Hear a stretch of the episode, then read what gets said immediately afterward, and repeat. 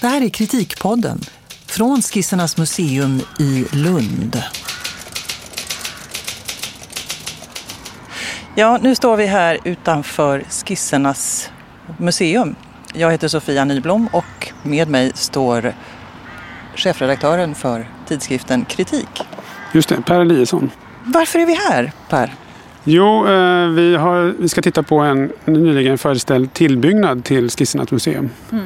Och det här med att bygga till Skissernas museum, det är ingenting nytt. Det har man gjort fem gånger. Mm. Så att vi ska titta på den senaste som ett eh, Stockholmsbaserat kontor, Elding Oskarsson, har ritat. Och med oss idag har vi Johan Fovelin, vanligen medverkar i kritik men fotograf till yrket. Thomas Hellqvist, jag är arkitekt och eh, professor emeritus i arkitekturens gestaltning. Mm. Och även Lundabo och, och knuten Lundabo. till Lunds universitet? Eller? Ja, precis så. Så är det. Mm. Precis som det här museet. Ja, det är en strålande vårdag och um, hur ser det ut här i um, universitetsparken? Ja, i fonden här så ser vi då de, de, moderna, de moderna tilläggen till det gamla museet. Och det är en del från 50-talet, Hans Westman, och en del från 90-talet, Johan Selsing. Och så är det då den nu aktuella tillbyggnaden från 10-talet av Elding Oskarsson. Mm i fonden och de bildar ett fondmotiv och det är en, en komposition kan man väl säga som vi ska prata lite om. Mm. Eh, Johan, ja. med, med, fotografens öga, vad ser du nu? Alltså med fotografens öga så ser jag ju för första det som jag ofta vill se. Jag ser ju kontexten, i vilket sammanhang befinner sig den här byggnaden eller det här komplexet av byggnader. Och då Mm, man kommer ju oftast och möter det lite grann nedifrån och så, så ser man upp mot, eh, ja, dels nu först den, det nya tillägget men så är det ju den här parken med ganska eh, dominerande träd och så, så skulpturinslagen eh, och sen framförallt till höger, eller till, på vänster sida om man kommer ner från stan så är ju universitetsbiblioteket Eh, som är ju en förmodernistisk byggnad som ju står i ganska stark relation och dialog med den här ehm, den här lägre, mm, mer diskreta ehm, byggnadssamlingen. Eh, så här lite på avstånd så tycker jag eh, det nya tillägget är ganska trevligt för att det befinner sig lite i olika volymer och det blir liksom lite grann en form av eh, trappsteg som trappar upp eh, saker och ting. Så att jag tycker det på avstånd ser ganska inbjudande ut. Eh, Eh, underordnar sig något? Ja, det underordnar sig något och, och, man uppfattar ändå att det är en ingång som man kommer till. Hur skulle du beskriva den här fasaden, ansiktet? Ja, på själva det nya tillägget så är det ju oerhört tidstypiskt eh, kortenstål. Det här rostbruna stålet som, som ju nu har blivit väldigt modernt eller populärt och kanske lite lite eh, förutsägbart och lite ofta utnyttjat. Mm. Och sen är det ju då också väldigt tidstypisk fönstersättning som vi säkert kommer att diskutera. För att den bygger ju inte på några regler, ingen, ingen symmetri, inget sånt, utan den ska vara lite eh, tänkt att vara lite mm, ja, fri. Eh, i alla fall relativt, liksom den här äldre byggnaden från 1907 eh, eh, där allting bygger på regler och system. Mm. Jag kan då tycka att den strategin eller det förhållningssättet inte nödvändigtvis ger den effekt som man kanske önskar sig, att det ska kännas fritt, utan jag kan mer uppleva att det känns Ja, att det inte finns någon, någon, någon struktur att förhålla sig till utan att det blir spretigt snarare än intressant mm. i mina ögon. Vad, vad, tycker du Per? Håller du med? Ja, om man ska prata om förhållningssätt så, så jag kan se en, det som du beskrev, en feghet.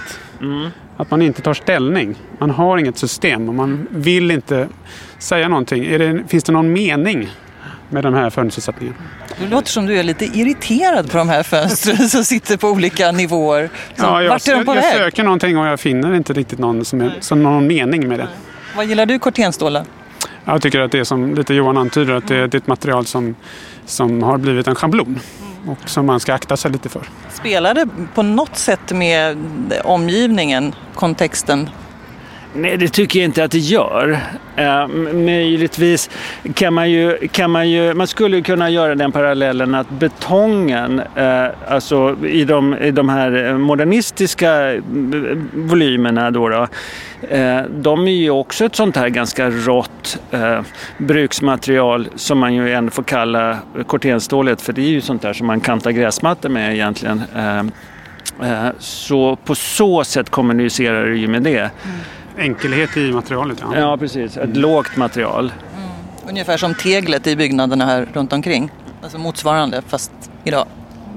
Ja, det, ja nej, det, jag skulle inte vilja göra den jämförelsen för att idag är ju inte tegel ett lågt material utan det är ett ganska exklusivt material. Men jag menar att det var det, Men det var, ja, ja, tidigare ja, när de byggdes.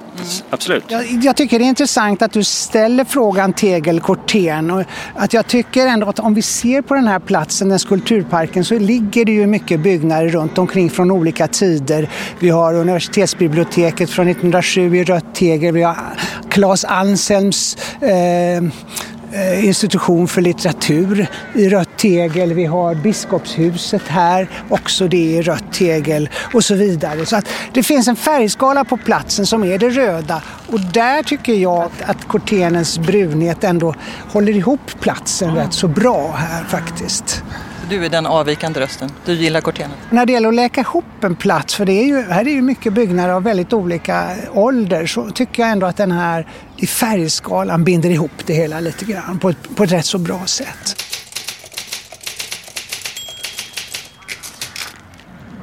Det här är ju den nya entrén. Tidigare så gick man in från sidogatan. Thomas, om du vill berätta lite mer om historiken och hur du uppfattar byggnadens ansikte ställt i relation till historien. Skissernas museum är ett museum som startade på 30-talet, 1930-talet utav Ragnar Josefsson, ganska känd eh, konstprofessor här i Lund som har skrivit mycket också om arkitektur faktiskt. Men här samlade han, ville beskriva den konstnärliga processen så han samlade skissmaterial från olika, eh, framförallt offentliga utsmyckningar. Och det gjorde han eh, först i den gymnastiksal som fanns här, som tillhörde ett gammalt seminarium. Och sedan har eh, museet vuxit, det har bytt namn och heter nu Skissernas museum. Det hade ett mer komplicerat namn tidigare. Och det är ett ganska unikt museum får man säga därför att det är inriktat just på inte det färdiga konstverket utan materialet som är före det färdiga konstverket. Mm. Så det, det, har ingen riktig motsvarighet i landet och få motsvarigheter överhuvudtaget i, i, i Europa. Vi har ju haft en serie i tidskriften som jag har, eller mer eller mindre en artikelserie som handlar om kontrast och kontext. Om vi ska säga någonting kort om den här tillbyggnaden. Är det här kontrast eller kontext? Finns det en intressant kontextuell eh, behandling av det här arkitektoniska tillägget? Ja, det, skulle väl, det skulle väl vara då eh, just det som Thomas framhåller med att eh, kortenstålets eh, varmbruna, rödbruna färg binder ihop det Eh, och det kan jag verkligen hålla med om och jag håller också med om att korten som sådant är ett ganska fint material. Just för den här patinerade, eh, ganska levande ytan. Det, ett, det, känns ju som ett ja, levande material. Så, eh, på det sättet så tycker jag att det finns någonting som binder ihop det. Men... Är, det, en mångfacetterad kontextualitet? Det finns ju två aspekter av kontexten. Det ena är ju naturligtvis den, den äldre bebyggelsen som finns här som är kanske första hand sekelskifte 1800-1900 men även eh, då eh, senare. Men sen är det ju också kontexten i byggnaden i sig. Eh, och, eh, mm, och den ja, det kommer vi återkomma till, särskilt Thomas, eh, om att den också har olika lager, tidslager, olika generationer.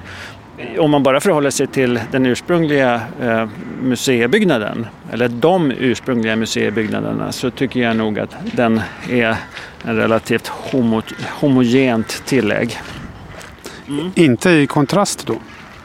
Nej, det tycker jag inte. Det är ju en form av modernism. Alltså, om, om man tittar på anläggningens historia så är det en väldigt bestämd följd av mycket tydliga klossar som läggs till varandra och det gäller både 1800-talsdelarna och, och de senare delarna fram till Celsings del som faktiskt också är en, en betongkloss. Eh, här, eh, och de hoppar hoppar ju lite grann i förhållande till varandra. Men här är det nu kanske en ny sorts hopp hoppande som kommer fram. Det är två klossar som man lägger till här och så har man de hoppande fönstren. Och kanske precis som Johan säger är det någon slags frihet eller informalitet som, som känns eh, lite onödig faktiskt. Eh, ordning, ordning, ja. ordning är jätteviktigt i arkitekturen. Och eh, spelet mellan liksom delgestalter och ordningen, det är, där liksom, det är det som bildar en komposition. Och här är kompositionen svag. Därför vi ser egentligen inte ordningen och delgestalterna i sig själv är, är rätt så ointressanta. Det är fyrkantiga fönster bara. Och då måste man våga som arkitekt? Då måste man våga. Man måste våga komponera och det vågar inte våga samtidigt... bestämma. Och bestämma. Ja. ja, det finns en annan osäker, osäkerhetsfaktor och det är nämligen det att man föreställer sig att de här eh, volymerna ska vara ganska kubiska. Men så finns det, jag noterar det nu då när vi står i samtal, så finns det ju en böjd form på en fasad som så att säga blir lite ja, överraskande eller lite möjligtvis omotiverad om man säger inom visuell logik. Liksom. Vad gör den där plötsligt? Relaterar den till någonting särskilt? Det får vi väl analysera vidare men det blir ju ett frågetecken eller något, mm. någonting som man reagerar på. Mm. Vad är det för mening med den?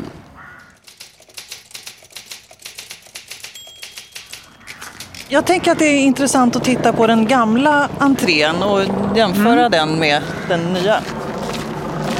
Nu har vi gått runt kvarteret och står på Sölvegatan och nu står vi plötsligt mitt inne i ett bostadskvarter från eh, slutet av 1800-talet känns det som. Är det så, Thomas? Ja, det kan man säga. Vi står egentligen i det som kallas professorsstaden. Det är det som vi har bakom och stora villor från, från sekelskiftet här.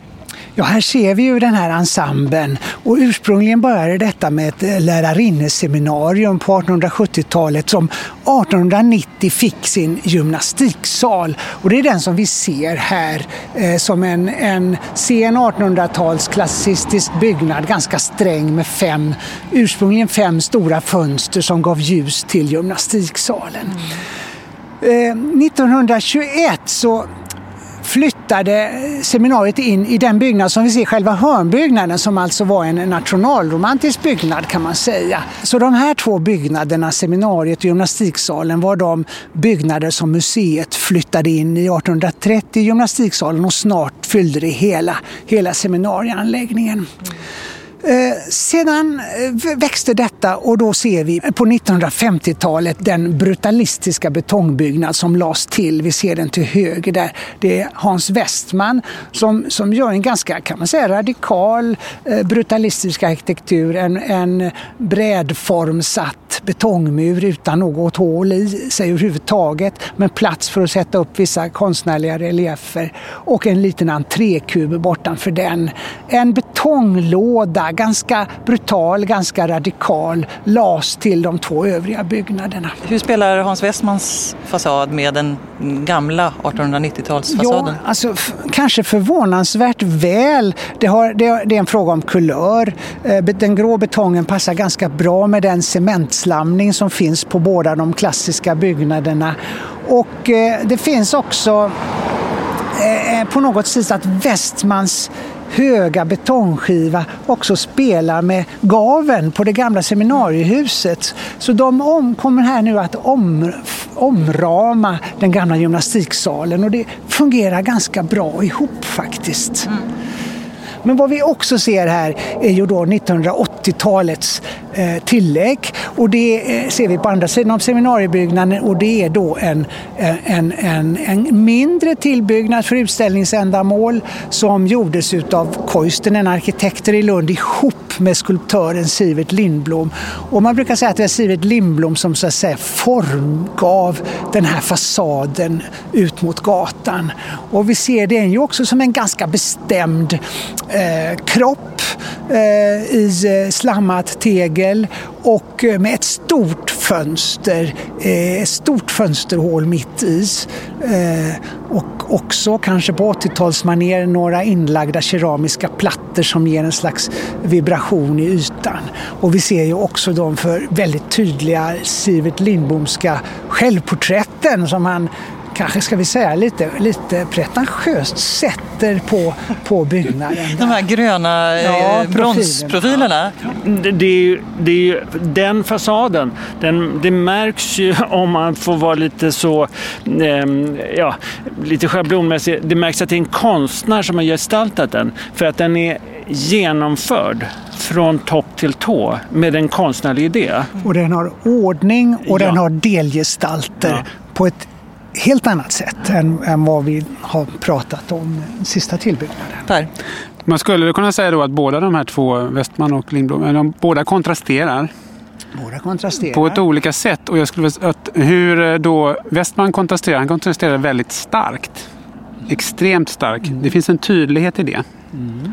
Och jag skulle säga att, att eh, den eh, postmodernistiska fasaden gör både och. Både kontrast och kontext. Mm. Det är en kontrast. Mm. Det är en modern, ett modernt inslag mm. med former som inte finns i de andra. Men de plockar upp saker och ting. Mm. De plockar upp slamningen, de plockar upp kulörer, plockar upp fönster, någon mån fönstersättning. Mm. Sådär. Mm. Det är vad jag kallar en mångfacetterad eh, kontextualitet. Mm.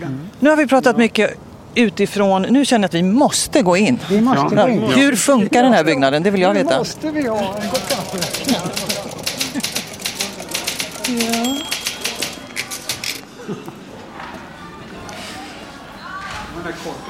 Nu har vi gått in i den nya delen ja. till byggnaden. Själva entrérummet med de här eh, oregelbundna eh, fönstren. Hur känns det här rummet för dig, Per? Jag är lite osäker på vad det är till för. När projektet presenterades så var detta bildet avbildat alltid med en flygel. Men det tvekar man ju om det är så nu. Det är ju ett entrérum, så här strömmar ju folk in. Det, inte, kan nog inte fungera som så. Men är det en dröm om ett ateljérum på något vis hos arkitekten? Och då får man säga att som ateljérum kan det väl fungera. Det är högt i tak och har ett betonggolv. Men ljuset och då kan man, det kommer man in på frågan om fönstersättningen med alla de, hur många, 1, 2, 3, 4, 5, 6, 7, 8, 9, 10, 11, 12, 13, 14 fönster i detta rum. I samtliga väderstreck? I samtliga fyra väderstreck. Och vad ger det för ljus idag i april? Det ger ett ganska flackt och ointressant ljus. en jag. mardröm för en fotograf? En mardröm för en fotograf. Och, eh, och ingen ro alls egentligen i det här rummet. Och ska det vara ro? Ja, det finns i varje fall bänkar som man ska sitta. Man väntar på någon som är på toaletten eller som kommer stannat kvar i utställningen. Eller man väntar på att gå in i, i restaurangen. Men det, det är ett rum utan ro, eh, tycker jag. Och det är den här fönstersättningen, den här lite trendiga fönstersättningen som skapar denna oro. Det hade varit väldigt skönt om en vägg hade fått slippa de hoppande fönstren här till exempel. Där. Det hade kunnat vara intressant om det fanns en kontrast i det här systemet. Ja. Det där oklara systemet hade fått en stark kontrast. Ja. I och med att jag, jag kände att jag inte förstod vad det rummet var till för. Och det tror jag det ligger dels i den här otydligheten i arkitekturen som vi pratar om. Hade det funnits en tydlighet så hade jag kunnat fylla i själv vad jag skulle fylla det här rummet med. Men jag får ingen hjälp med det riktigt. när vi, stod, när vi stod i parken så tyckte vi ju det var ganska väl komponerat gentemot Westman. Mm. Med de här höjderna, med mm. kuberna. Mm. Så där kanske det fungerar. Ja, ja. Men eh, det är ju en, en någon slags fasad eller renderingspunkt skulle ja. jag säga. Mm. I dagens uh, system. Men sen är också materialen här inne förstärker ju det här väldigt flacka. Ja, visst, Eftersom, vad, är det för material?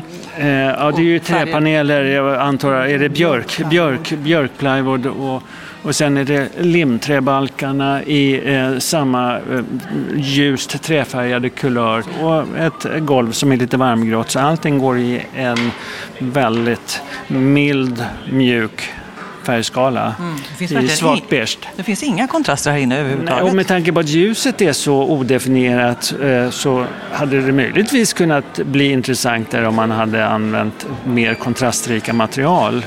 För då hade man så att säga på artificiell eh, väg skapat kontrast och spänning och dynamik i det här rummet. Men nu blir det ju bara oerhört flackt. Samma språk i ljuset och i materialen. Mm. Och det är samma oklara språk. Mm. Ska vi titta på restaurangen?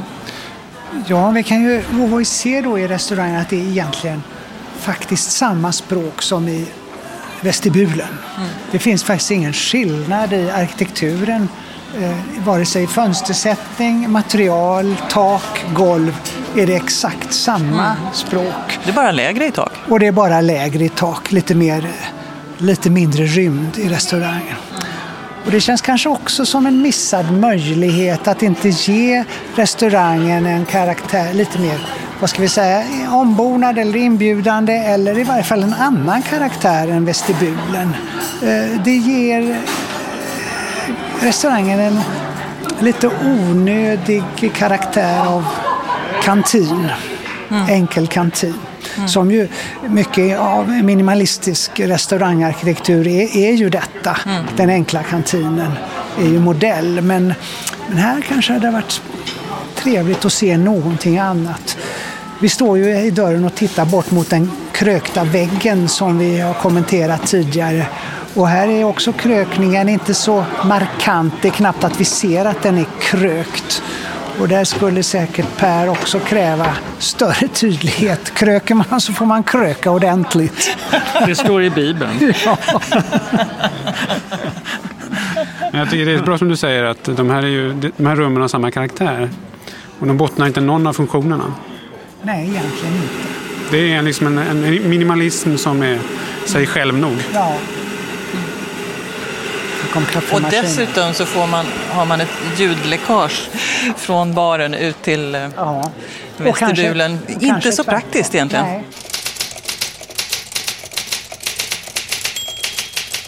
Då kliver vi in i Svenska salen i Hans Westmans tillbyggnad. Här ser ni också portiken in till gymnastiksalen här.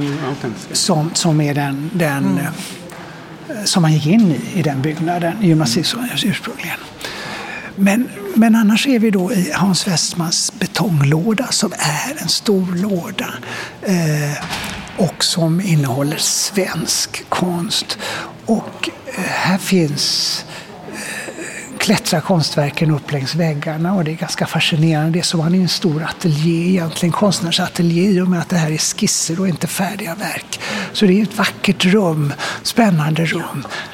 Här är också en brygga. Eftersom det är ett så högt rum så finns här också en brygga som man kan gå upp och se på de konstverk som hänger högt upp i rummet så att säga. Man får en bättre kontakt med dem om man är på den här bryggan. Men här har ju funnits i förra etappen här en önskan att koppla den här bryggan till eh, museet. Nu är bryggan en återvändsgränd. Man kan bara gå dit och så går man tillbaks. Men ja, titta! I Celsins projekt som kom här på eh, sent 90-tal så planerade Celsing en, en utbyggnad åt det här hållet som skulle koppla bryggan till de nya eh, lokalernas våning två. Mm. Men så har det inte blivit mm. med, med den tillbyggnad som har kommit nu mm. och det är lite synd. Varför plockade man inte upp det? Vet du det? Det är ju så konstigt. Det är ju så konstigt hur saker och ting fungerar. Men det, det hade ju varit möjligt i, i det nya projektet. Man, Absolut, man hade inte absolut. behövt följa Celsings Nej, nej, eh, nej. etapp två. Nej, utan man hade nej. kunnat plocka upp det. Eftersom man, om man gjorde Ja. en ordentlig research så hade man vetat det. Ja. Men det är ju lite som när man går in i gamla kyrkor. Liksom ända tillbaka till medeltiden. Och, eh, där, där man kan se just eh, öppningar, portöppningar som inte leder Mm. Som någonstans. inte leder någonstans Ja. längre. Ja, visst är det så. Får jag säga någonting om det här som konstmuseum och som konstföreteelse? För att jag tycker väldigt mycket om det här rummet och har gått här så länge jag har, eh, kan minnas. Det, mitt i det här stränga och formella så skapas det en, en känsla av frihet i den här. Och det är också just det att det är skisser, att det inte kanske är färdigt. Det finns någonting väldigt levande och den kontrasten tycker jag är det här museets själ. Alltså mellan de här tillfälliga eh, skisserna på väg till någonting färdigt och så den, där lite, den här stränga brutalistiska lådan. Och sen ja, naturligtvis de andra delarna. Men det, det tycker jag är så fint. Salongshängning kallas det här. När man hänger, inte på långa rader, Nej. den modernistiska långrad utan man, man hänger ovanpå varandra. Ja. 1800-tals. Ja, ja just det. Och eh, då, då bottnar ju eh, Westmans kontrast i någonting fundamentalt för museet. Det finns en mening i den kontrasten. Allting, allting hänger på armeringsjärn här i en betongkub. Verkligen. Och det är ju de här kontrast, den här kontrastverkan som hela tiden... Personligt och kallt. Precis. Och på det så hängs någonting annat i kontrast. Det blir en meningsfull helhet. Absolut.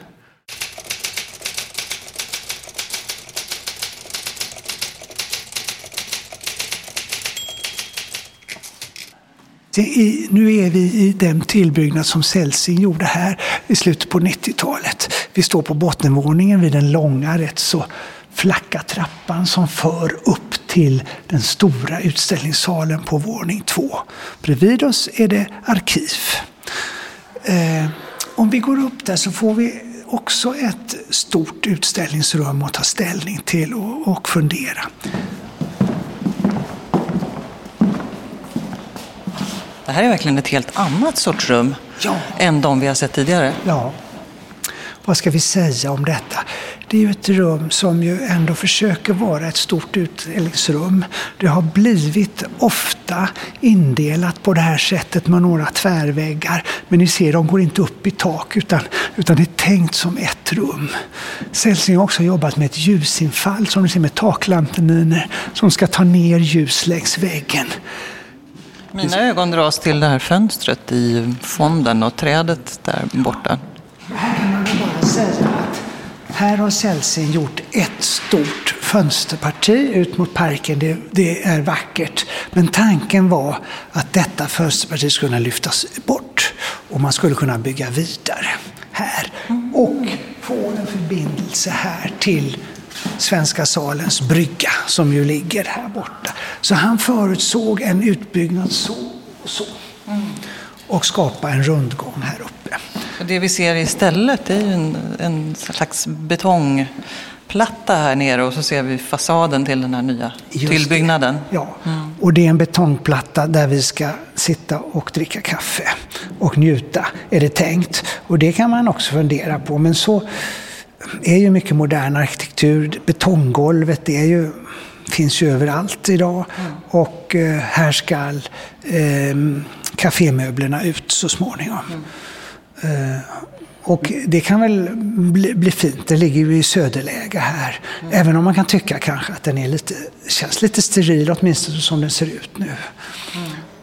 Men när du berättar om den här eh, tillbyggnaden som skulle stå här Ja. så är det ju för mig här bottenplattan till den.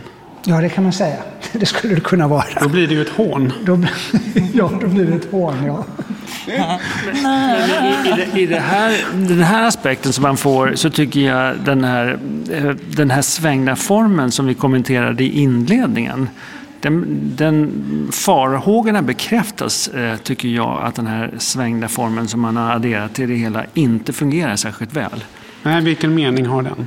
Men, men, ja, ja, den gifter sig ju inte med, med, med språket i övrigt. Eh, gifter sig egentligen inte med parkrummet heller. På men, men jag läser det som att den följer, den ligger liksom parallellt med den här stigen som som leder upp mot byggnaden.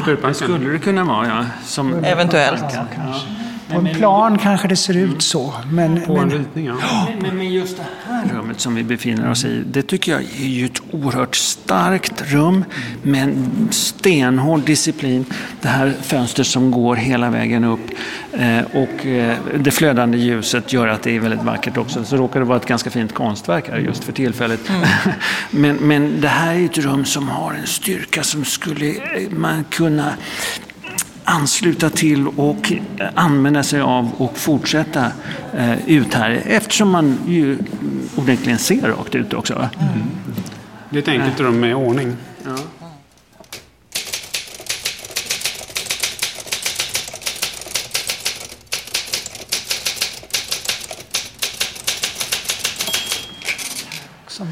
Det här är alltså den nya innergården, Birgit Rausings sal heter den va? Ja, det är alldeles Eller, riktigt. Ja.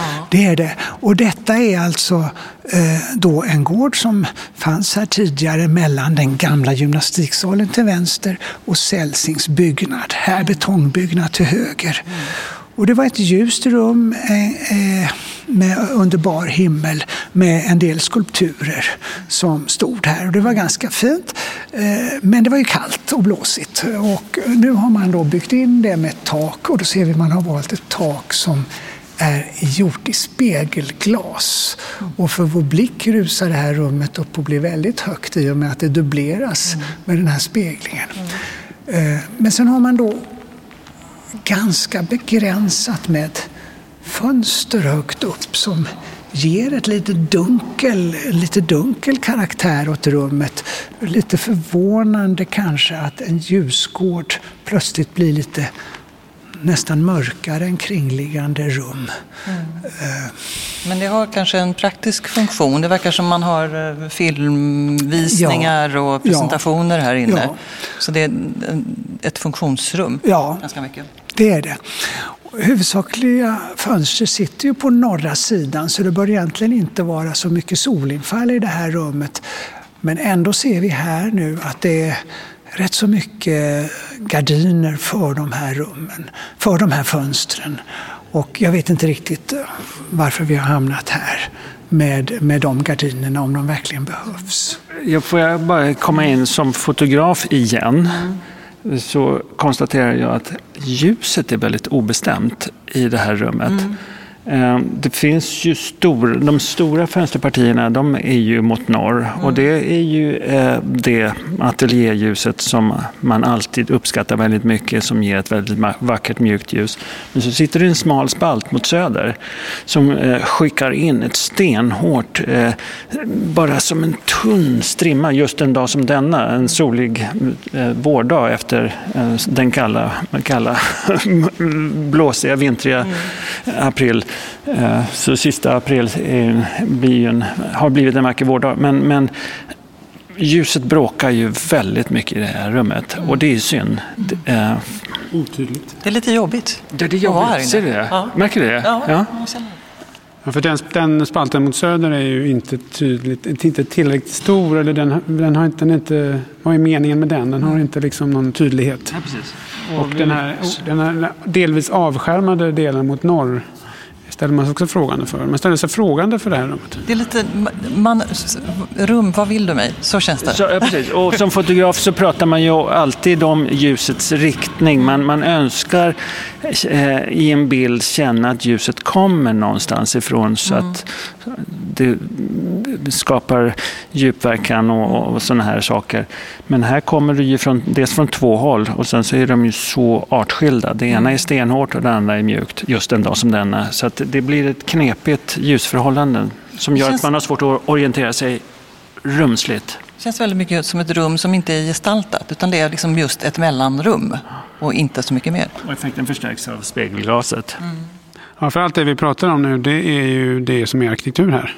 Det är ju någon som har bestämt hur det ska vara i alla de här aspekterna. Hur stora fönstren ska vara, var de ska sitta och hur det ska anordnas. Så det här är ju ingen slump utan det här är någon som har skapat den här känslan. Man sätter in ett tak i ett rum och då ska det taket bäras på något sätt. Det bästa är om man kan egentligen bära det på kringliggande byggnader. Men det har man inte gjort här utan man får sätta stolpar som bär upp taket. Och det där kan ju vara väldigt vackert med pelare som bär upp ett, ett svävande tak. Men här har vi fyra stycken i profiler som står Ja, det är väl okej, okay, men de står ju nästan klistrade mot väggen och eh, eh står inte särskilt vackert mot den gamla seminariebyggnadens fasad med sina fönster där. Här skulle man egentligen vilja ha ett annat, en annan bärning av ett tak som ju ska vara lätt. Vi förstår att det ska vara lätt för det är frikopplat runt om. Och här skulle man egentligen, det är alltså egentligen paraplytanken. Och paraplytanken det är några pinnar eller en eller flera pinnar som bär ett ett, ett, ett lätt tak. Men de här pinnarna är rätt så torftiga som, som bärare får man nog säga av det här taket, det här lätta taket. Vad skulle man gjort istället? Ja, jag skulle inte tvekat om egentligen faktiskt flytta in pelarna något in i rummet mm. och, och kanske ge dem en form som är kanske ändå annat än, än i profilen. Mm. Jag tror de, skulle de är viktiga i rummet och behöver, behövt gestaltas. Jag tycker det är viktigt också hur de möter taket. För de nu, nu försvinner de upp i taket i någon slags oklar ja. bärning. Man ja. känner inte att de bär taket. Nej, nej, och detta är ju då den klassiska arkitekturen brukade ju kunna hantera de här frågorna om hur det, det som bär, bär upp och, och bär upp det som bärs. Och att det där kan bli väldigt effektfullt och elegant eller kraftfullt på olika sätt. Hur en kolonn bär upp ett tak eller en arkitrav eller mm. något sånt där. Ja, och just övergången ja, mellan kolonnen och taket. Ja, visst. som alltid formas ja. mm. i den klassiska arkitekturen. Ja. Men det finns ju också i den, eh, som jag brukar säga, den osentimentala modernismen. Där är allting sånt tydligt också. Så det ja. finns en klassicism om man vill, ja, om man vill. Okay. i den typen av modernism. Mm. Där, ska det, där det ska vara tydligt och ärligt. Mm. Mm. Bärande och buret finns tydligt redovisat mm. också där.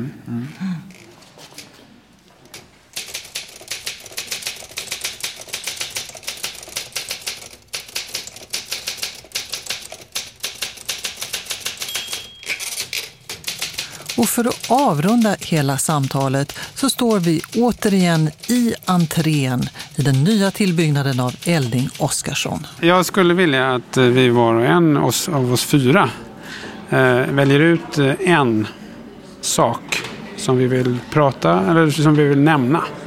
Som fångar den här byggnaden på något sätt eller som vi tycker är viktigt för, eh, för eh, intrycket av det här. En sak ska vi säga.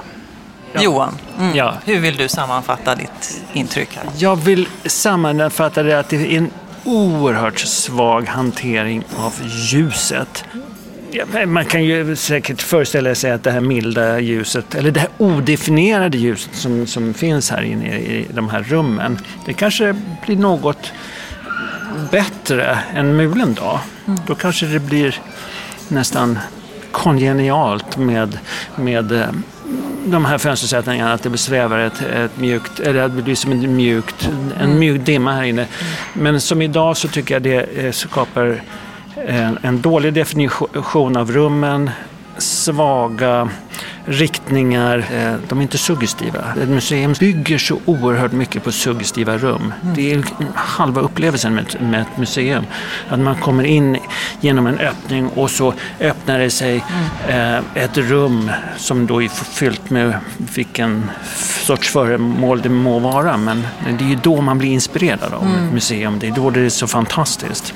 Ljuset är mm. det som jag stör mig på. Fint. Thomas?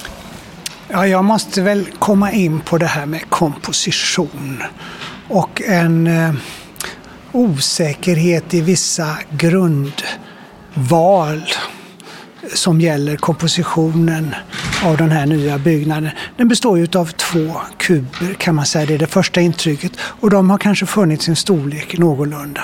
Men sen så visar det sig att kuberna är svagt krökta i ett par av väggarna eller i flera väggar.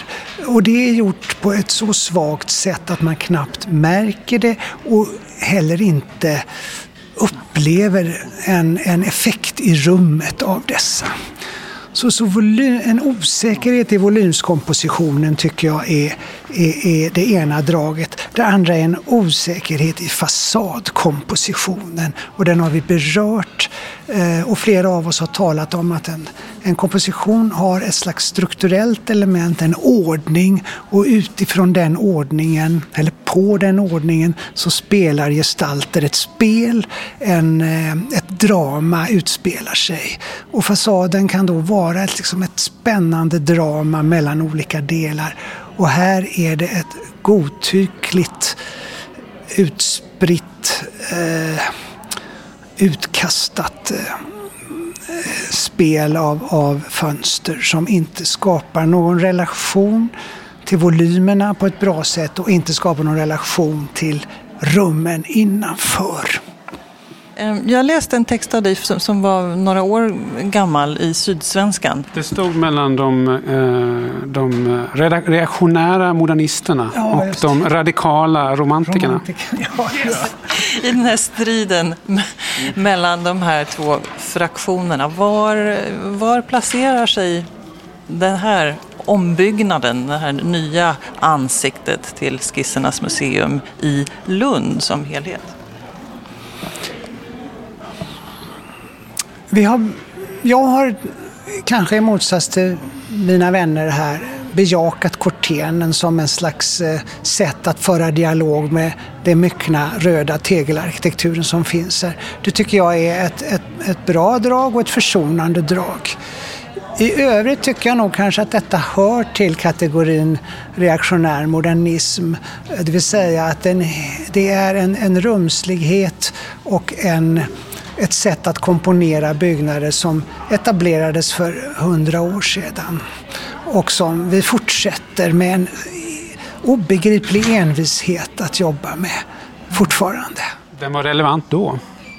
Den var relevant då, men har tappat sin mening nu. Per, vad säger du? Ja, för mig så tycker jag det här är ett intressant exempel på eh, arkitekturens uttrycksmedel. Eh, när man bygger ett hus, varje gång man skruvar i en skruv eller väljer en platta eller väljer en, en, en träbit så uttrycker man sig. Och man kan uttrycka sig på en mängd olika sätt varje gång man gör det här.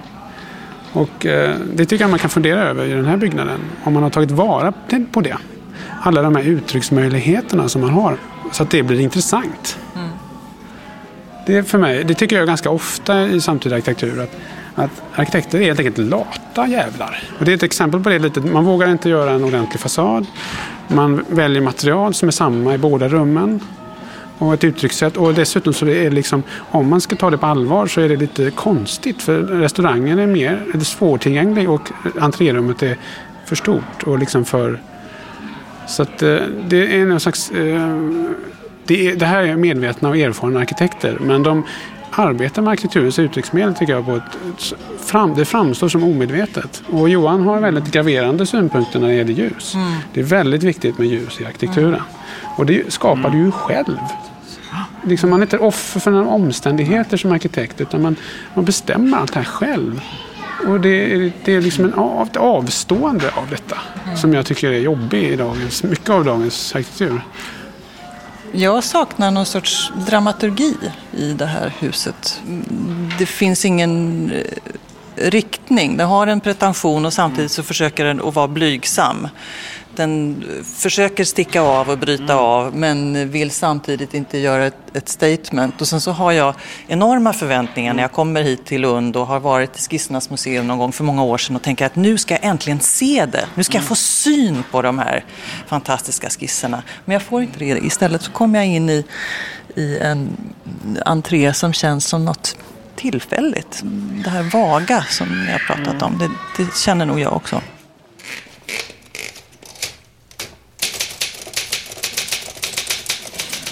En viktig fråga som kanske, kanske blir den sista, jag vet inte. Är det här den sista tillbyggnaden? Det här är ju den femte i ordningen. Kommer vi att se en till om några år? Vad tror du? Ja, jag tror att man kan tänka sig det. Museet är som institution ganska unikt.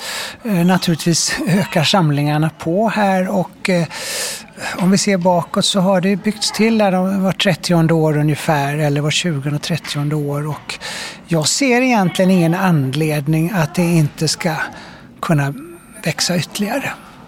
Mm. Ja, och sen så tror jag också utifrån det här som vi har, samtalet som vi har fört, alltså en, en, en byggnad eller ett verk, konstverk som är så fantastiskt bra så att man känner att det här är det här är färdigt eller det här, det här är någonting som man kommer att vårda och värna och eh, så där vidare. Då kommer det leva under väldigt lång tid utan att någon petar i det. Det här är inte så bra så det här kommer att petas i tror jag. Mm.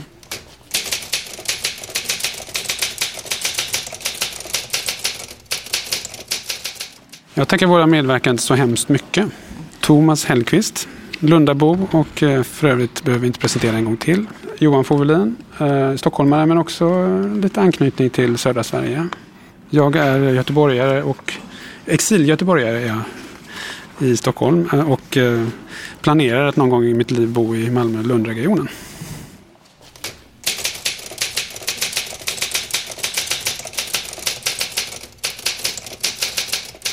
Du har hört Kritikpodden från Skissernas museum i Lund. Redaktör är Per Eliasson och jag som är producent heter Sofia Nyblom. Arkitekturtidskriften Kritik eh, kommer ut fyra gånger om året. Finns att köpa i Pressbyråns specialbutiker och på Presstopp. Den eh, finns även att beställa på www.syntesforlag.se. Vi finns på Facebook även.